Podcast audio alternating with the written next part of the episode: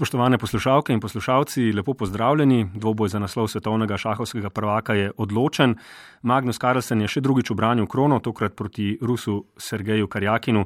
Za zmago je potreboval dodatne partije, v katerih pa je bil precej boljši od izzivalca. Tretjo in četrto je dobil, drugi je imel zmagovalno pozicijo. V tem delu dvoboja je bil od Karjakina boljši s 3 proti 1, skupno pa z 9 proti 7 dogajanje in razplet tega vrhunskega dvoboja bomo pokomentirali z dvema strokovnima gostoma. Darja Kapš je slovenska velemojstrica, udeleženka treh šahovskih olimpijat in trenutna ambasadorka za šah pri Šahovski zvezi Slovenije. Lepo zdrav. Pozdravljeni. Z nami je tudi novinarski kolega, specialist za šah in fide mojster Ivo Bajec. Dober dan želim. Najprej bova z Ivotom dala prednost ženskam, kot se spodobi.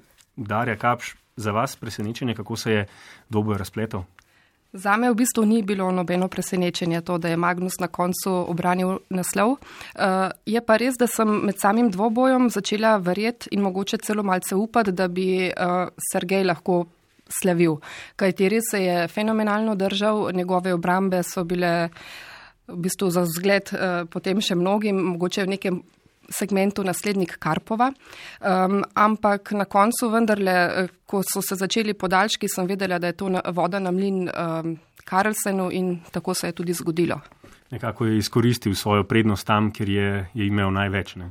Tako je. Ja. Uh, Ivo, kako ste pa vi uh, dojemali ta dvoboj prvih 12 partij in potem zaključne štiri, ki so bile tako hitro uh, odločene? Podobno kot Darja. V začetku je bil za mene velik favorit Karlsen, kajti to je bil njegov tretji dvoboj za naslov svetovnega prvaka, medtem ko za Karjakina prvi. Poleg tega je bil Karjakin doslej edini po letih njemu enako vreden. On je igral dvakrat z Anandom, ki je bil kar 22 let starejši in to je velik handicap za starejšega. No, ampak tako kot je opazila že Darja, med dvobojem smo videli izjemne obrambe Karjakina in tedaj mi je to dalo misliti, da se lahko dvoboj tudi razplete drugače. Ker je začel Karlsen izgubljati živce, ker nekako ni mogel svoje aktivne igre spremeniti v zmago.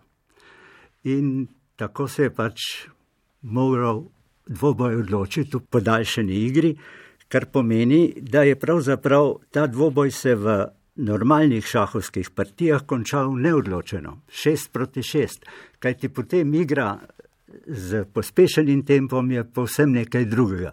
In tam je imel Karlsen veliko prednost, ker je že prej bil znan kot najboljši igralec hitropoteznega šaha in je tokrat samo potrdil svojo veliko znanje, medtem ko se je uh, Karjakin vendarle nekoliko lovil v tem delu dvoboja. Rekl bi, da je igral zadnje partije pod svojo običajno formo. Omenili ste zelo dobre obrambe eh, Karjakina. Zanimivo je pa tudi to, da vedno, ko se je zelo dobro branil, eh, je potem Karlsen nekako uspel priti nazaj, eh, kar se je najbolj dramatično pokazalo med drugo in tretjo partijo podaljšanih dvobojev. Drugi je imel pravzaprav dobljeno pozicijo eh, na šahovnici, Karlsen, ki pa je ni uspel pretvoriti v zmago, tretjo pa potem gladko dobil. Ja, eh, zanimivo je bilo ravno to, ne, da se je Karlsen prizadeval pravzaprav prav vsaki partiji, da je igral aktivno in poskušal zmagati. To, da šele v osmi partiji je to tveganje povečal do tiste mere, da je pravzaprav potem partijo izgubil po lastnih napakah in bi rekel po lastni neumnosti. Eh, Karjakin je samo izkoristil, kar mu je bilo ponujeno in tako je prišel do prve zmage in do velike možnosti, da tudi postane svetovni prvak, vendar ni vzdržal do konca. Eh, Darja, še vas vprašam okoli druge in tretje partije teh podaljškov.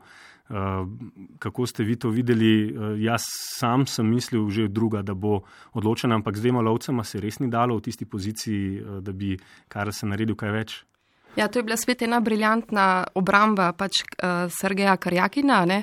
To so pač je bil tipični tak uh, teoretski motiv um, uh, na koncu, ko se je vse pomenjalo, da uh, je bil kralj v napačnem kotu, nasprotne barve od lovca, ki ga je imel uh, Karlsena. Ne.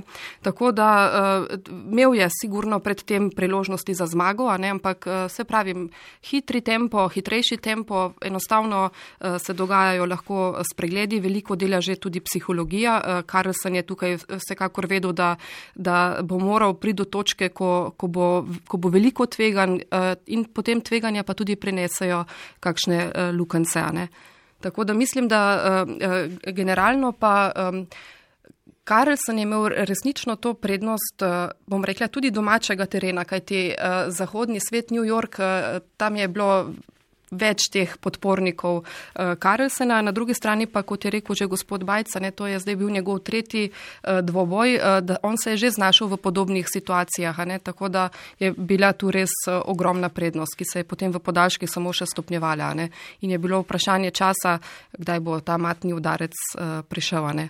Kaj ti tudi v pospešenih partijah se je bistveno težje braniti, ker rabiš takrat tudi malce več časa, uh, napadaš z neko intuicijo bistveno lažja. Ne? Pri obrambi moš biti pa zelo precizen, tako da tu je bilo že voda na mlin tudi ja, ja, Absolutno in še nekaj je. Ne? On je pri tej obrambi porabil ogromno časa in je bil na polovici partije že v časovni stiski pravzaprav in je drugo polovico igral v silni časovni stiski pod večjim pritiskom. In to se je poznalo tudi pri kvaliteti igre. Ja, ampak pod pritiskom je bil pa tudi eh, Magnus Carlsen, sploh v tistih prvih devetih partijah, ko je enkrat izgubil, pa ko so se remi vrstili en za drugim. Ne? To je pa tudi na njega močno vplivalo. Zagotovo, zagotovo v rednem delu. Ja. Zdaj pa govorim o podaljšku. Ja. Ga je pa na drugi strani tudi prisililo, ne, da je končno. Uh, začel še z večjimi močmi pritisniti. Takrat, je, takrat je dvoboj oživel. Takrat smo vsi vedeli, da ne bo več preračunavan, taktiziran, ne, ampak da bo Magnus bil uh, v bistvu prisiljen uh, pač z vsemi uh, orožji napast Karjakina. Ne. No in ko smo ravno omenili uh, Karasenovo težavo, kako priti do zmage. Očitno mu je to tudi nekaj vesele do šaha. Vzelo pa si poslušajmo, kaj je povedal po uh, sinočni zmagi, uh, kako je vplivalo to, da je prišel, da se je izvlekel eh, potem uh, na njegovo igranje šaha. Um, Zelo sem vesel, da sem ob koncu spet našel veselje do igre, končno sem spet užival, na nek način je to najbolj pomembno. V delu dvoboja sem imel precej neprijetne trenutke, zdaj se počutim veliko bolje in samozavestjo gledam v prihodnost. No, in do zmage je prišel tudi na svoj rojstni dan, kar tudi ni nepomembno. 26 let je star, zdaj sta s Karjakinom enako stara. Bi pokomentirali izjavo Darja? Ja, verjetno si je poklonil najlepše darilo za rojstni dan. Ne? In najlepše je, ko lahko v bistvu kreiraš sam svojo sodo. Tako da sem vesela, v bistvu mi je všeč, kako je rekel, da je ponovno našel voljo, uh, do, da, da, da uživa v igri. Kaj ti na takšnem nivoju, ko si svetovni prvak, ko niti nimaš več nekih izzivov, da si ga je znal najti v teh zadnjih, uh, uh, uh, zadnjem delu meča um, in da je po vseh teh remijih, uh, kajti Karjakin je res nično deloval neprebojen, našel pač šipko točko, uh, to znal izkoristiti in posem zasluženo je šampion. Ivo? Ja, uh, resnično je. Izjemno mučno, če vidiš, da nikakor ne moreš svoje prednosti spremeniti v zmago. Na vseh nivojih je to, posebno pa na takem, ko si favorit, ko misliš, da boš zmagoval tako kot recimo proti Anandu z levo roko, imaš pa za nasprotnika nekoga, ki je ta praktično nepremagljiv. Kar se je bil trikrat, štirikrat v dobljenem položaju, vendar je našel Karjakin izjemne poteze, izjemen način, da je partijo pripeljal do remija, do pol točke. In počasi izgublja živce. Verjamem, da je zasovražil že malo šah Karlsen ob takem razpletu. Eden od slovenskih eh, šahistov, mislim, da tudi nekdani selektor je eh, izjavil, zapisal, pravzaprav bi bilo bolje rečeno, da izgleda, kot da je Karlsen izven forme. Je bil res tako izven forme ali ga je Karjakin prisilil v tako igro? Jaz bi rekel, da je Karjakin pokazal izredno kvaliteto pri obrambni igri. Karlsen mogoče ni bil v najboljši formi, ampak uh, pri taki obrambi tudi z najboljšo formo ne bi imel lahkega dela. Mhm. Ja, jaz bi mogoče tudi dodala, da sta igralca skozi vse leto ali pa odkar sta vedela, da boste nasprotnika tempirala to formo, ne, da bo res zdaj najboljša. Sicer so tukaj potem lahko malce odstopanja, da Karlsen ni bil v, v tej igralni uh, euforiji želja, ne, uh, da, da, da pokaže največ, ampak uh, Karjakin je pa izbral pravo strategijo, kako se lotiti uh, Karlsena. Ne. Tako da uh, tudi obrambna um, pač. Uh, Obramba je način, eh, eh, kako se zoprstaviš eh, nasprotniku. Tako da v preteklosti smo videli že, kako je naprimer Tigran Petrosjan svoje nasprotnike, ki so ga z vso močjo napadali, pač za preprosto obrambo odbijal in bil mnogo let povratnik in svetovni šahovski prvak. Tako da to. to Ne bi rekel, da je bil Karlsen izven pač neke forme, ampak je bil Karjakin toliko bolje psihološko in šahovsko pripravljen na uh, svetovnega prvaka. Ne? Glede taktike, tudi to zanimivo je bilo opazovati manj poučenim, uh, kako sta odpirala partije. Ena za drugo so šle na špansko otvoritev, uh, tudi tisto, kar ni bila španska otvoritev, je bilo to temu zelo podobno. Uh, tako da me zanima, uh, je res taka izenačenost, je to razlog ali eh, kaj drugega, da se pravzaprav potem ob koncu želi ta eh, šahista nekako boriti v zaključku partije ali zakaj takšna taktika, zakaj takšne otvoritve? Jaz mislim, da ste izbrala Španko zato, ker je nekako solidna, ena izmed najbolj solidnih otvoritev. In nihče ni hotel v začetku postaviti vse na kocko, ampak sta se nekako šele tipala, kot temu pravimo. Ne? In ko sta videla, da je v španski partiji nekako ta pot do izenačenja najlažja, sta jo uporabljala oba in čakala, da bo more biti drugi sprožil nekaj, kar prinaša sabo tudi tveganje. No, to smo videli v zadnji partiji, naprimer, tega pospešenega dela. Ko je Karjakin uporabil sicilijansko obrambo, misleč, da ima morda tu kakšne minimalne šanse za preobrače v zadnji partiji. No, ampak doživel je krepak poraz in prekrasen zaključek. To je treba tudi povedati, Karlsena, ki je prav s problemsko potezo naslikal matno mrežo in matno sliko, tako da je bil konec res primeren za nagrado za rojstni dan. Mhm. Eh, časi Mihajla Talja so pa verjetno minili, ne, da bi tvegali na veliko in tako naprej. Ne? Ja, te romantični časi pač teh eh, neverjetnih žrtvovanj in tvega nepredvidljive igre so nekako z računalniško dobo, eh, bom rekla, minili, a ne, kajti tudi te partije, kot je gospod Bajc povedal, ne, so zelo take otvoritve, ki so bile izbrane, so zelo uravnotežene, ne dovoljujejo nekih velikih bomo rekli, tvegan. Tako da um, Je pa veliko enih študioznih uh, ur za, za vsem tem, kajti mi mogoče gledamo kot še isti neko uravnoteženo igro kot pri uh, tenisu, a ne, ko se žogica gre, uh, se odbija iz ene strani na drugo, ampak tukaj so veščine. Skratka, če bi eden naredil manjšo napakico, bi ga drugi v trenutku lahko kaznoval. Skratka, veliko je nekih analiz domačih s pomočjo štabov, ki sta jih oba dva imela. Ne. Tako da mi smo gledali vse čas neko izenačeno igro, ampak da do tega pride, je pa veliko enega kvalitetnega znanja na najvišjem vrhunskem nivoju. Omenili ste štab in to je odlična istočnica za naslednjo uh, izjavo, ki je, ser, uh, jo je um, dal Sergej Karjakin po koncu dvoboja. Namreč v osmi uh, partiji je dobil, imel prednost, potem v deseti to zapravil in če ni bilo morda že takrat vse skupaj odločeno, uh, poslušajmo, kje sam misli, da je naredil napako v pripravi. Well, Težko rečem, kaj bi spremenil. Predvsej časa sem se pripravljal na ta dvoboj, a ni delovalo. Loteval se je drugačnih otvoritev, tako da moja priprava ni bila uporabna. Zdaj lahko tudi priznam, to sicer ni razlog, zakaj sem izgubil, nekajkrat sem povsem pozabil pripravo in zamešal, kaj sem hotel storiti. To se je zgodilo tako v klasičnih kot v pospešenih partijah. Na toliko stvari sem se pripravljal, da si nisem zapomnil vsega. Morda bi bilo pred odločilnim dnem bolje, če bi imel zgolj spočito glavo, ne pa da sem ponavljal toliko stvari. Morda je bila to tudi moja napaka, da sem hotel obdelati vse scenarije. Včasih je v hitrih igrah bolje, če si samo spočit, jaz pa sem bil daleč od tega.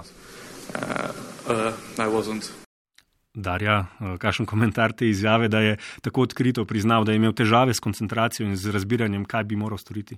Ja, predvsem iz te izjave bi rekla, da je bil um, Sergej zelo samokritičen oziroma da je zelo samokritičen, kar je prav, na takem vrhunskem nivoju moraš biti.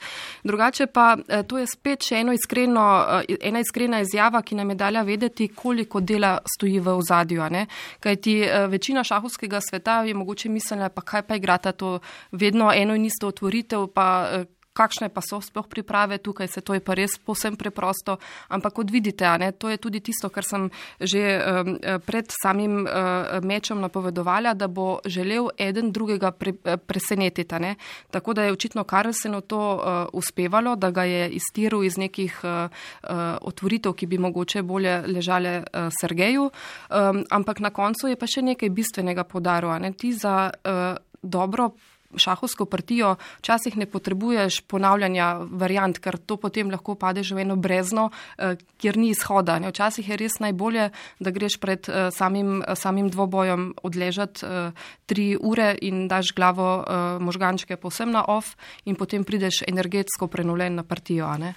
Ivo, seveda je imel Sergej Karjakin podporo celotne ruske države, verjetno tudi zelo veliko stvari so hoteli strpati v njegovo glavo, pa to ne gre vedno. Ne? Ne, ne. Glava ima tudi gotove kapacitete, ki so kdaj pa kdaj napolnjene. In posebej v brzo potednem šahu je težko izkopati vse tiste naučeno in tiste pozicije, ki jih predeluješ v pripravi eh, v konkretni partiji. Kajti tam je še en velik faktor čas. In čas je kruta stvar. Ko ti zmanjkuje časa, glava ne dela pri še tako temeljiti pripravi več enako kot prej. Ne, to se pojavljajo izredno težke, težki trenutki za dotičnega in si v nekakšni omotici. Ponavadi igraš s pol moči takrat, mhm. tiste dejanske svoje moči. Kaj ti vpliva psihologija, vpliva čas, vpliva pomembnost srečanja, vse je v tvoji glavi. Ne? In hm. takrat razmišlja čisto in je zelo težko. Sergej Karjakin je imel vedno težave s časom v tem dvoboju. Ja, on je v bistvu tudi že sicer poznan kot igralec, ki si rad vzame veliko časa, ne, ampak potem ima res take briljantne, uh, večpotezne zamisli, potem pridejo do izraza uh, in take neverjetne obrambe, ki jih lahko redko uh, kdo sprocesira do take globine, ne, da se potem tudi pokažejo. Uh, tako da različni tipi igralcev so. Naprimer, Anand, uh, ki, je, ki se je tudi sicer že v preteklosti pomeril s uh, Karlsenom je znan kot uh, igralec, ki izjemno malo časa porabi. Prav tako Karlsen je takšen. Ampak uh, to zdaj ne pomeni, da so mogoče bolj, um, uh, boljši v, v, v, v samem dvoboju, ampak imajo toliko izkušenj iz vsakodnevnega življenja. Karlsen veliko šahira, veliko uh, uh, ima tudi na družabnih omrežjih večkrat rad objavi fotografije s prijatelji, ki so tudi bistveno slabši nasprotniki, ampak uh, igrajo hitro potezne uh, partije, tako da uh, ne vem, kako je sicer pri Karjakinu, bi rekel, da tega bistveno manj, no, ker Karlsen uživa in igra in želi si ta adrenalin, tako da on res, resnično veliko uh, uh, igra teh hitro poteznih partij, ki ti pa tudi dajo neko, uh, neko izkušnjo, da potem si bolj suveren, ko si v dejansko pa za resno partijo uh, pospešeno ali pa oblic partijo za svetovnega prvaka. Tako da je bila ta lahkotnost pri Karlsenu večja. Bi se popolnoma strinjal z Darjo. Namreč Karjakin je tipični igralec nekih vzorcev, ustaljenih vzorcev, naučenih vzorcev. Videlo se je, da vse pozicije je jemal skozi to perspektivo. Je bolj študiozno, ne, uh, kot naučeno. Ja, naučeno mm. video. Ne. Medtem ko Karlsen je igralec navdiha, ne. on obvlada vse mogoče pozicije, tudi njegov stil igre je malo nenavaden včasih. Že v tem dvoboju sicer ni tega uporabljal ampak sicer je pa vedno uporabljal nenavadne začetke, že hotel je že v tej fazi igre speljati nasprotnika na nova pota, kjer ne bi mogel uporabljati vsega naučenega. No, in to se je pri tem dvoboju sicer Karjakin spretno izmikal s to ponovitvijo španske obrambe, ampak eh, vendarle v časovnih stiskah, ko te stvari ne pridejo tako do izraza. To se mi zdi zelo, zelo zanimiva analiza, ne, ker jaz se tudi zelo strinjam, da je Karjakin je, mogoče bi lahko rekli, tipični predstavnik neke ruske šahovske šole v smislu, da je sistemski. Ne. On je eh, od prvega dne, eh, ko se je verjetno um, začel učiti šaha, je to bilo po nekih, uh, po nekih by the book, bi rekli, po nekih pravilih, ne, kako postaneš vrhunski. Uh, Karel se na drugi strani je pa nek, bomo rekli, ekspert eksperimentalist ali pa svobodnjaški duh. Tako da tudi. To je krasna ocena, ne? da, da se je tudi to poznalo in sta se taka no, sloga. Jaz si mi dala še eno misel, ne? recimo, Karjakem prihaja za ne organizirane, super organizirane šahovske države s ogromno tradicije. Ne? Pri Norvežanih je Karlsen edinstven in edini. Ne? Ja. Morda... Nobene, brez vsake šahovske tradicije je Norveška, ne? poznamo jo kot smučarsko vele silo, ne? nikakor pa neko čahovsko. In to se izraža tudi v teh predstavnikih teh držav, ne? nekako. Ne?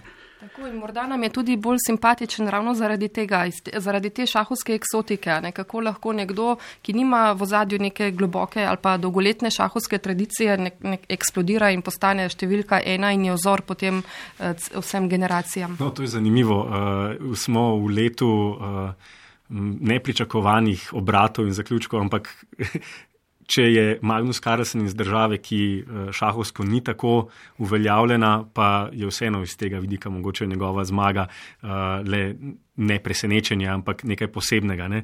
Uh, želel sem vas vprašati še to, kakšne so vajne izkušnje z hitro poteznim šahom. Noč Sergeja Karjakina je v bistvu čas prisilil v poraz, ker če bi se te partije vlekle v nedogled, bi verjetno lahko še uh, vlekel remije, kolikor bi šlo mogoče izkoristiti kakšno priložnost. Uh, kako sta pa uh, se vedva znašla v hitro poteznih ali kako se znajdeta? Torej, eh, jaz sem bila že v vseh možnih situacijah. Eh, izgubljala sem na čas tudi eh, dobljene pozicije, potem sem dobivala pozicije, ki so bile popolnoma izgubljene. Čas je res krut dejavnik, tako da moram pa reči, da sem ljubiteljica hitropoteznega šaha. Rada imam namreč adrenalin, rada zelo napadam in to so, bi rekla, manjše, mislim, so prednosti v tem hitropoteznem šahu. Ne? Tako da sem imela tudi v preteklosti dosti lepe eh, dosežke na tem področju in tudi sicer v vsakodnevnem eh, eh, življenju, ko nimam več časa za resne turnirske šah, mislim, za resni turnirski šah, veliko krat pa odigram kakšne dvoboje, mini dvoboje s prijatelji, šahovskimi kolegi ali pa tudi kar na spletu. Ivo. Ja, v mojem času smo igrali hitro potezne partije povsem na drug način. Igrali smo na pet minut, nekdo je imel nek gong in je vsakih pet sekund udaril na gong in mi smo morali takrat potegniti potezo. Ne. To se pravi, tehnika brzo poteznih partij je bila povsem druga. Ni bilo niti pojma nobenemu o teh urah, ki so zdaj na voljo. Ne.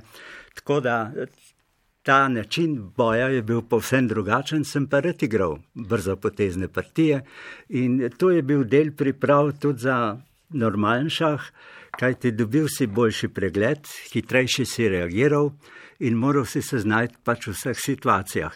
Jasno pa, da so prišle te težki trenutki, kot je visela fanca, takrat ni bilo tako, da bi ura ne vem kako se zdaj zabeleži konec partije. Tedaj smo imeli tako fanco na koncu in ko je prišel kazalec do tiste, eh, mi smo rekli, fanca. Zastavica, to je en ja. tak eh, vzvodek bil, ki je padel, ko je prišel kazalec mimo njega. In ti si samo gledal na konc in štev sekunde, kdaj bo tisti padel. Ne? In tako da si pa še manj gledal na šahovnico, ampak bolj na tisti kazalček. Če smem sem še pokomentirati, verjetno je bilo še bolj dramatično vse skupaj. Ja, tistim... Zelo divje je bilo. In na koncu, ko so tekle sekunde, ne, se je večkrat zgodilo, da je nekdo z roko pomedil celo šahovnico, ker ni najdu svoje figure v tisti nervozi in, in hitrici. Ne? Še mogoče glede tega, eh, da časovni pritisk morda naredi tudi to, da se kakšna nova stvar odkrije, ne? lažje kot pa mogoče, če dolgo razmišljaš, pa kam bi to postavil.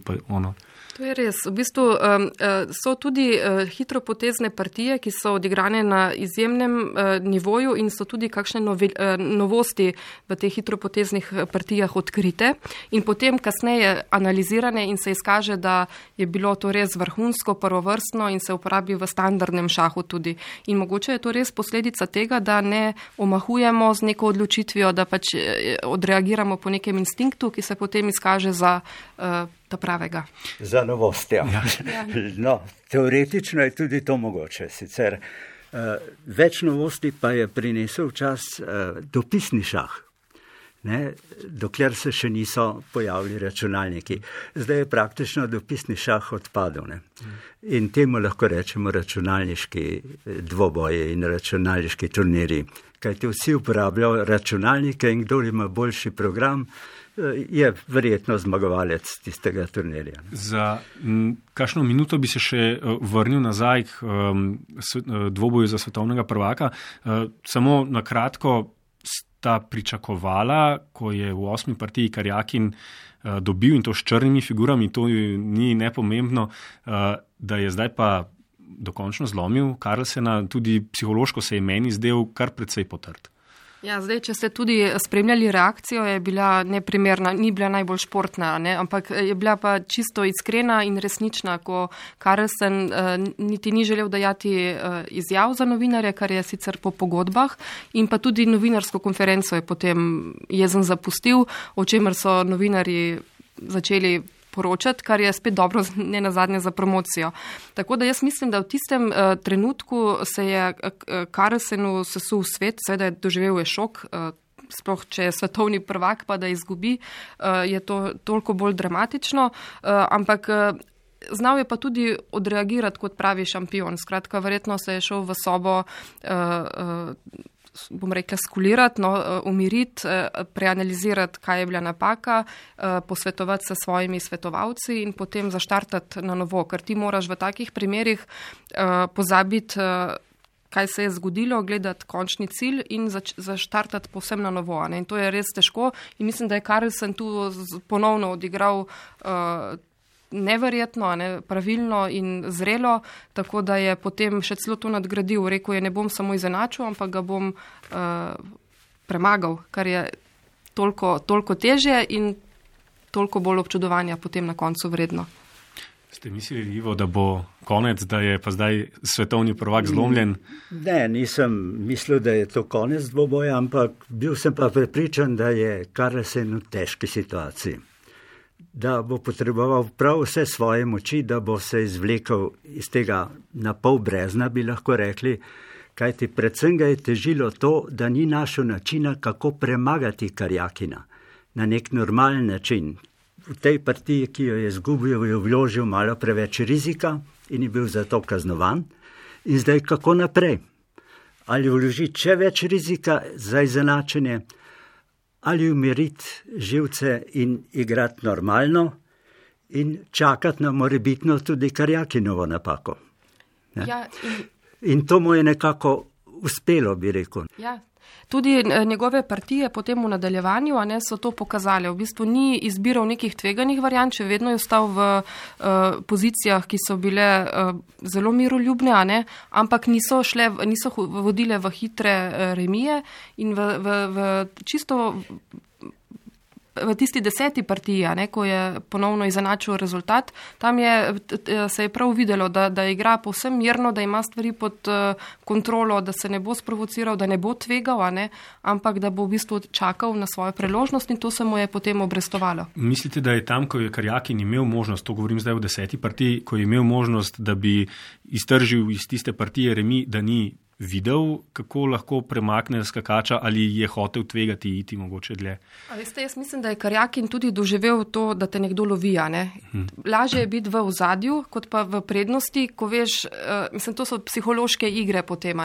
Tako da uh, verjetno ni videl, bi rekla, če ne bi to odigral, oziroma je ta psihološki pritisk ustvaril tako blokado, da se je verjetno z mislimi ukvarjal uh, z nečem posem drugim. Mogoče znova ni imel prazne, čiste glave. Tako da verjetno je že mislil, kaj pa, če bom svetovni prvak. Pa, skratka, ni se fokusiral na tisti določeni trenutek. Eh, v šahu je pa res, da je vse mogoče. Včasih eh, enostavno ne veš, zakaj neke stvari ne vidiš, ne? ampak mm. to je ta lepota ja, v bistvu šaha.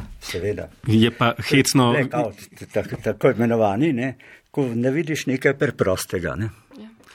Zanimivo je tudi, ko sam vidiš uh, nekaj, kar tvoj nasprotnik ne vidi, kako bi se lahko rešil ali tematiral ne? ali kaj podobnega. Je prišel v veliko boljšo pozicijo. Dogaja se vse mogoče. Ne? Uh, iz tega vidika se je meni zdelo zelo zanimivo opazovati novinarske konference, kjer so uh, ljudje, ki seveda nikakor ne segajo ob bok Karlsenu in Karjakinu. Nekako učili ju ali ju opozarjali na poteze, ki bi ju lahko povlekla ali morala povleči za tako dobrega šahista, verjetno to mora biti kar mučno, eh, že samo poslušati, kaj šele odgovarjati z eh, nekim normalnim glasom. Ja, to je ta sindrom tistih, ki so ob strani, pa so vedno pametnejši kot tisti, ki so zaprtijo. Ne?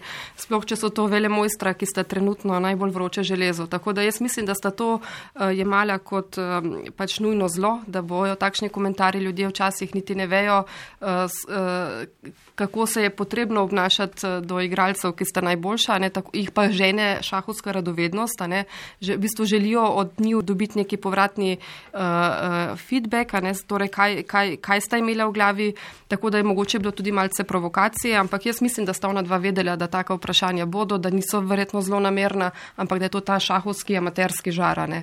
In jaz sem jih veliko že v življenju doživela, ko, uh, ko, ko sem bila celo partijo boljša, na koncu nasprotnika premagala, ampak je potem nasprotnik rekel, ja, imel sem te, sem bil dobljen in še huje, uh, vsi, ki so ob strani zmagovali, so imeli veliko zapovedati, pa potem, ko sem jim rekla, no zdaj pa to argumentirajte, pa ni, teh argumentov ni bilo. Ne. Tako da to vsak vidi pač uh, uh, nekaj, kar drug ne vidi in potem. Pa, pa niti ne, da bi sam videl, ampak ker ti računalnik pokaže. Ne, to ja, je še huje. huje ja. Ivo, to je povsem drugače kot v starih časih. Recimo, zdaj ljudje, ki ne vejo veliko o šahu, lahko pravzaprav mislijo, da lahko učijo druge. Ne. No, mislijo, ja, ampak eh, v bistvu je pa isto, kot je bilo nekdaj. Vedno je bilo veliko tistih, ki so bili po bitki generali. Ne. Ne, lahko je govoriti in lahko je sprašvati. Pač ti si pa nekje prisiljen, da tudi na polne umne vprašanje odgovarjaš. Ne ker ti vsak ne more biti vele moj strinti, ne svetovni prvak. Ne. In razumljivo je, da tisti gledalci sprašujejo pač take poprečne zadeve, ne, ki zanimajo njih, eh, so pa neprijetne za akterje. Ne. Tudi sami ste imeli, Darja Kapš, možnost videti, kako to dogajanje izgleda. Spomnil sem se na vas ob 12. partiji, ki je minila v 35 minutah. Vi ste bili 15 minut, da ste sploh prišli v dvorano, verjetno marsikdo v tej 12. partiji, ki je imel karto, ni videl niti sekunde. Ja, e, to je pač. E, jaz sem vesela, da sem sploh bila na lokaciji. Vseeno je to vzdušje, ki ga mora, po mojem, vsak šahist enkrat v življenju e, doživeti, ker je bil res dogodek enormnih razsežnosti. Ampak eh, vsekakor, kot sem že rekla, eh, lahko bi bilo uporabnikom malce bolj prijazno, ne, tako da bi šlo po vzoru eh, starih dvobojev, ko so igravci lahko cel meč spremljali v živo, ampak verjamem, da, da, da bi to bilo za igralca lahko moteče. Ne, tako da politika Met, meča dvoboja je bila pač taka, da sta bila v stekleni komori, prostora ni bilo veliko in si bil lahko hvaležen za tistih dragocenih nekaj uh, minut, da si to opazoval v živo. Uh, bolj, še bolj tragično se mi zdi za tiste, ki so stopnice kupili, pa so bili potem po uh, uh, hitrih, bomo rekli, remijih. Uh, Pač poslani domov, da ni bilo toliko ur užitka uh, da, na tisti lokaciji. Tako da uh, neponovljiva izkušnja, lahko komentiram. Kakšno veliko spremembo ali pa katere so največje spremembe, ki jih vi opazite, Ivo, eh, od eh, nekdanjih dvobojev do danes? Predvsem so morali biti krajši. Ne? To, kar je že Darja povedala, ne? včasih so te akteri sedeli pred občinstvom, eh, nastopali so celo parapsihologi in tako dalje, neki zuhar, ki so ga dali v pomoč, eh, Karpovu, ko je igral dvoboj z Viktorjem Korčnojem. In dogajale so se razne take male, kako bi rekel, male potikanja, igrice. psihološka male igrice. Ne? In seveda ni bilo toliko gledalcev, kot jih je danes. Danes, kot Darja pripoveduje, so cele trume gledalcev hodile mimo in si predvsem ogledovali igravca. Meni se zdi, da niti ne toliko pozicije, koliko vzdušje igravca in to dogajanje okoli. Ne. To je danes bistvena stvar. Ne. In seveda američani pa kot itak znajo izkoristiti vsako tako stvar tudi za komercialne namene. Ne.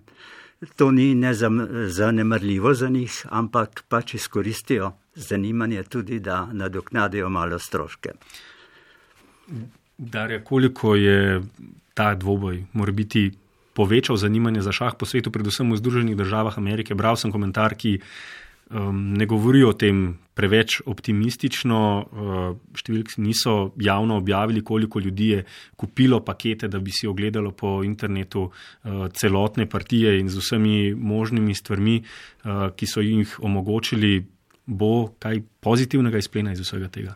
Zdaj na neko analizo bo treba po mojem še malce počakati. Mislim, da, da, da, da bomo pa vendarle, da bo ta analiza pokazala, da so organizatori ubrali precej uh, riskantno varianto, Te, to, da se vse skupaj, uh, vsaka stvar v bistvu trži, kar je lahko na eni strani pride do enormnega zanimanja, ampak mislim, da bodo številke kazale, da bi lahko bilo boljše. Ampak sam prostor tega, nažalost, tam ni omogočal. Tam je bilo vstopnic prodano precej več, kolikor, uh, kolikor jih je lahko dejansko prišlo na prizorišče, tako da to se ne bi smelo dogajati. Uh, tudi prvič se je zgodilo, da nismo imeli uh, brezplačnih šahisti, torej po celem svetu, ne, brezplačnih komentarjev, ampak so se vele mojstri angažirali po različnih državah, so potem sporedno komentirali in podajali analize, ker glavna komentatorka je bila tam v New Yorku Judith Polgar. Ampak se pravim, za vse si moral uh, uh, pač plačati, kar je tudi prav, ne na zadnje. Uh, pravilno je, da se šah tretira kot vse ostale športne aktivnosti, ampak uh, verjetno bo nekaj časa uh, trajalo, da bomo to sprejeli in potem uh, se tega tudi šli. Tako da to je bil en tak premjerni meč.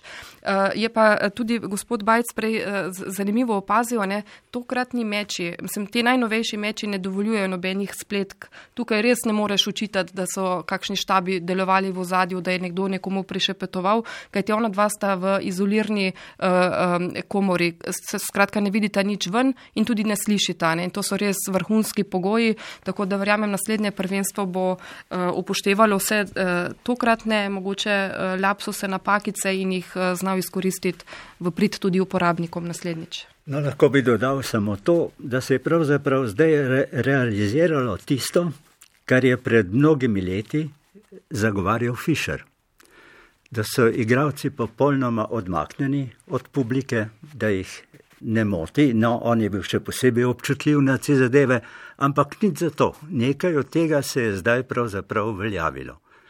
In to je samo plus za igro in za igravce. In še zaključno vprašanje za oba, eh, za vsakega svoje. Ivo Bajec, bo Magnus Carlsen uspel doseči največje, verjetno Laskarevih 27 let ne bo uspel držati na vrhu, ker je to pač nemogoče, moral bi 13krat obraniti, ampak šestkrat svetovni prvak bi pa lahko postal, zdaj pri treh. Ta odgovor je zelo težaven. To vedeževalka bi to lažje povedala. Jaz zelo upam, oziroma upam.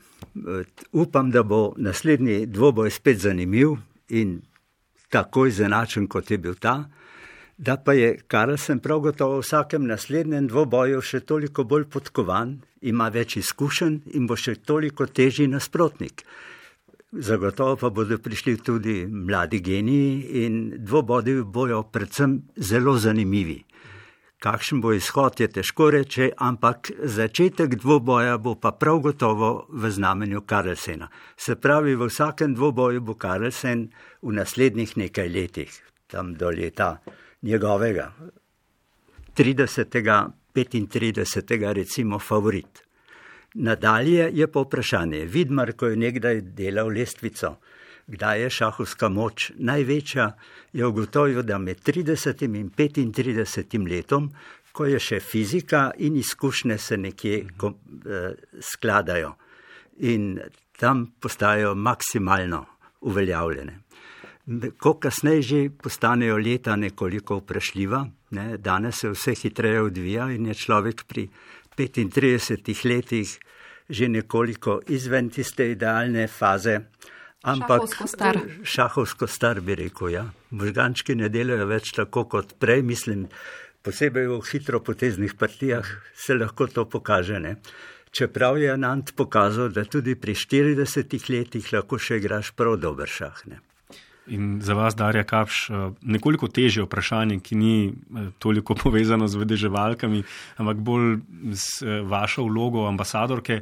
Kako v današnji dobi hitrih uh, dražljajev in močnih dražljajev približati šah mladim, uh, ki so navajeni vsega zelo na hitro za šah, tak, kakršnega ste, kakršnega ste igrala, Karlsen in Karjak, in pa potrebuješ 3, 4, 6, 7 ur?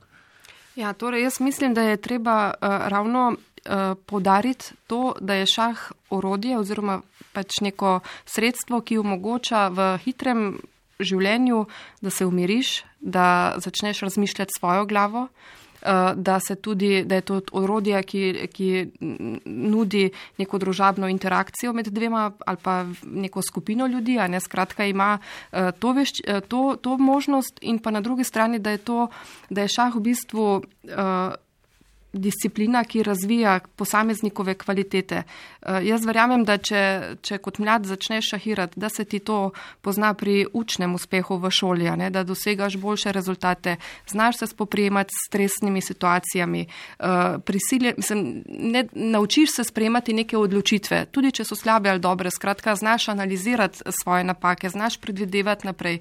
Skratka, šah je pač ena veščina uh, in ena krasna igra, ki omogoča uh, nam, da, smo, da postajamo boljši ljudje. In mislim, da je, da je tukaj uh, tista priložnost. Uh, ki ne bo sicer prinesla velikega zaslužka, ampak bo pa obogatila uh, uh, osebnost posameznika. In to je v bistvu moje poslanstvo, verjamem, da tudi poslanstvo gospoda Bajca v vseh teh letih uh, in pa vseh nas, ki smo v šah zaljubljeni, ki vemo, kakšne kvalitete prinaša in se bomo trudili še naprej in upajmo, da smo razsvetlili tudi koga ali pa povedali kaj novega za koga, ki ga uh, šah zanima. Uh, hvala obema gostoma za ta pogovor. Uh, vam, dragi poslušalci, pa za pozornost želim vam lep dan.